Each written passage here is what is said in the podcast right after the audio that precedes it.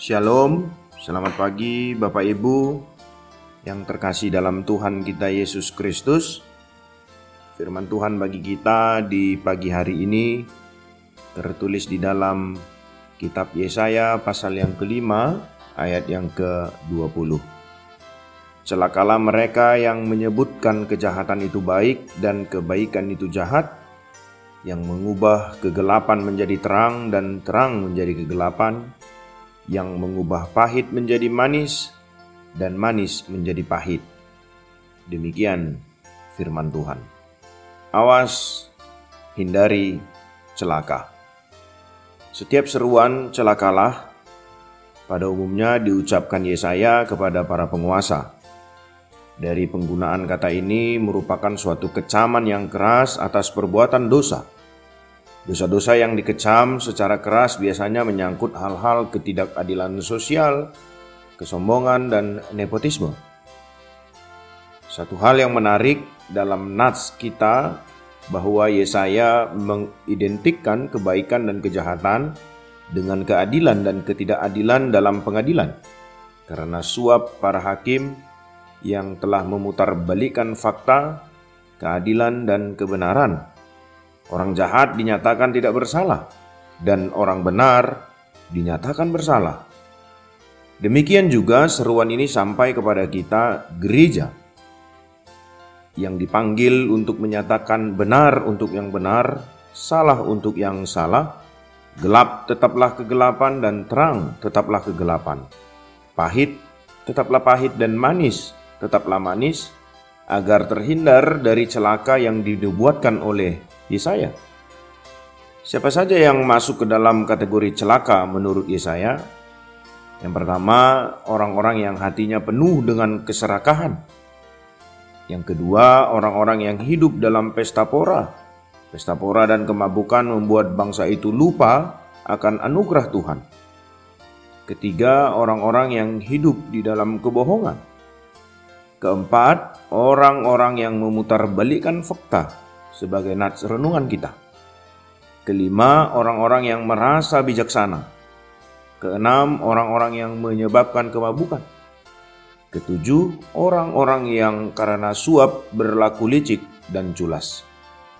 Salah satu kategori itu adalah memutarbalikkan fakta seperti yang dikatakan dalam Yesaya di renungan kita.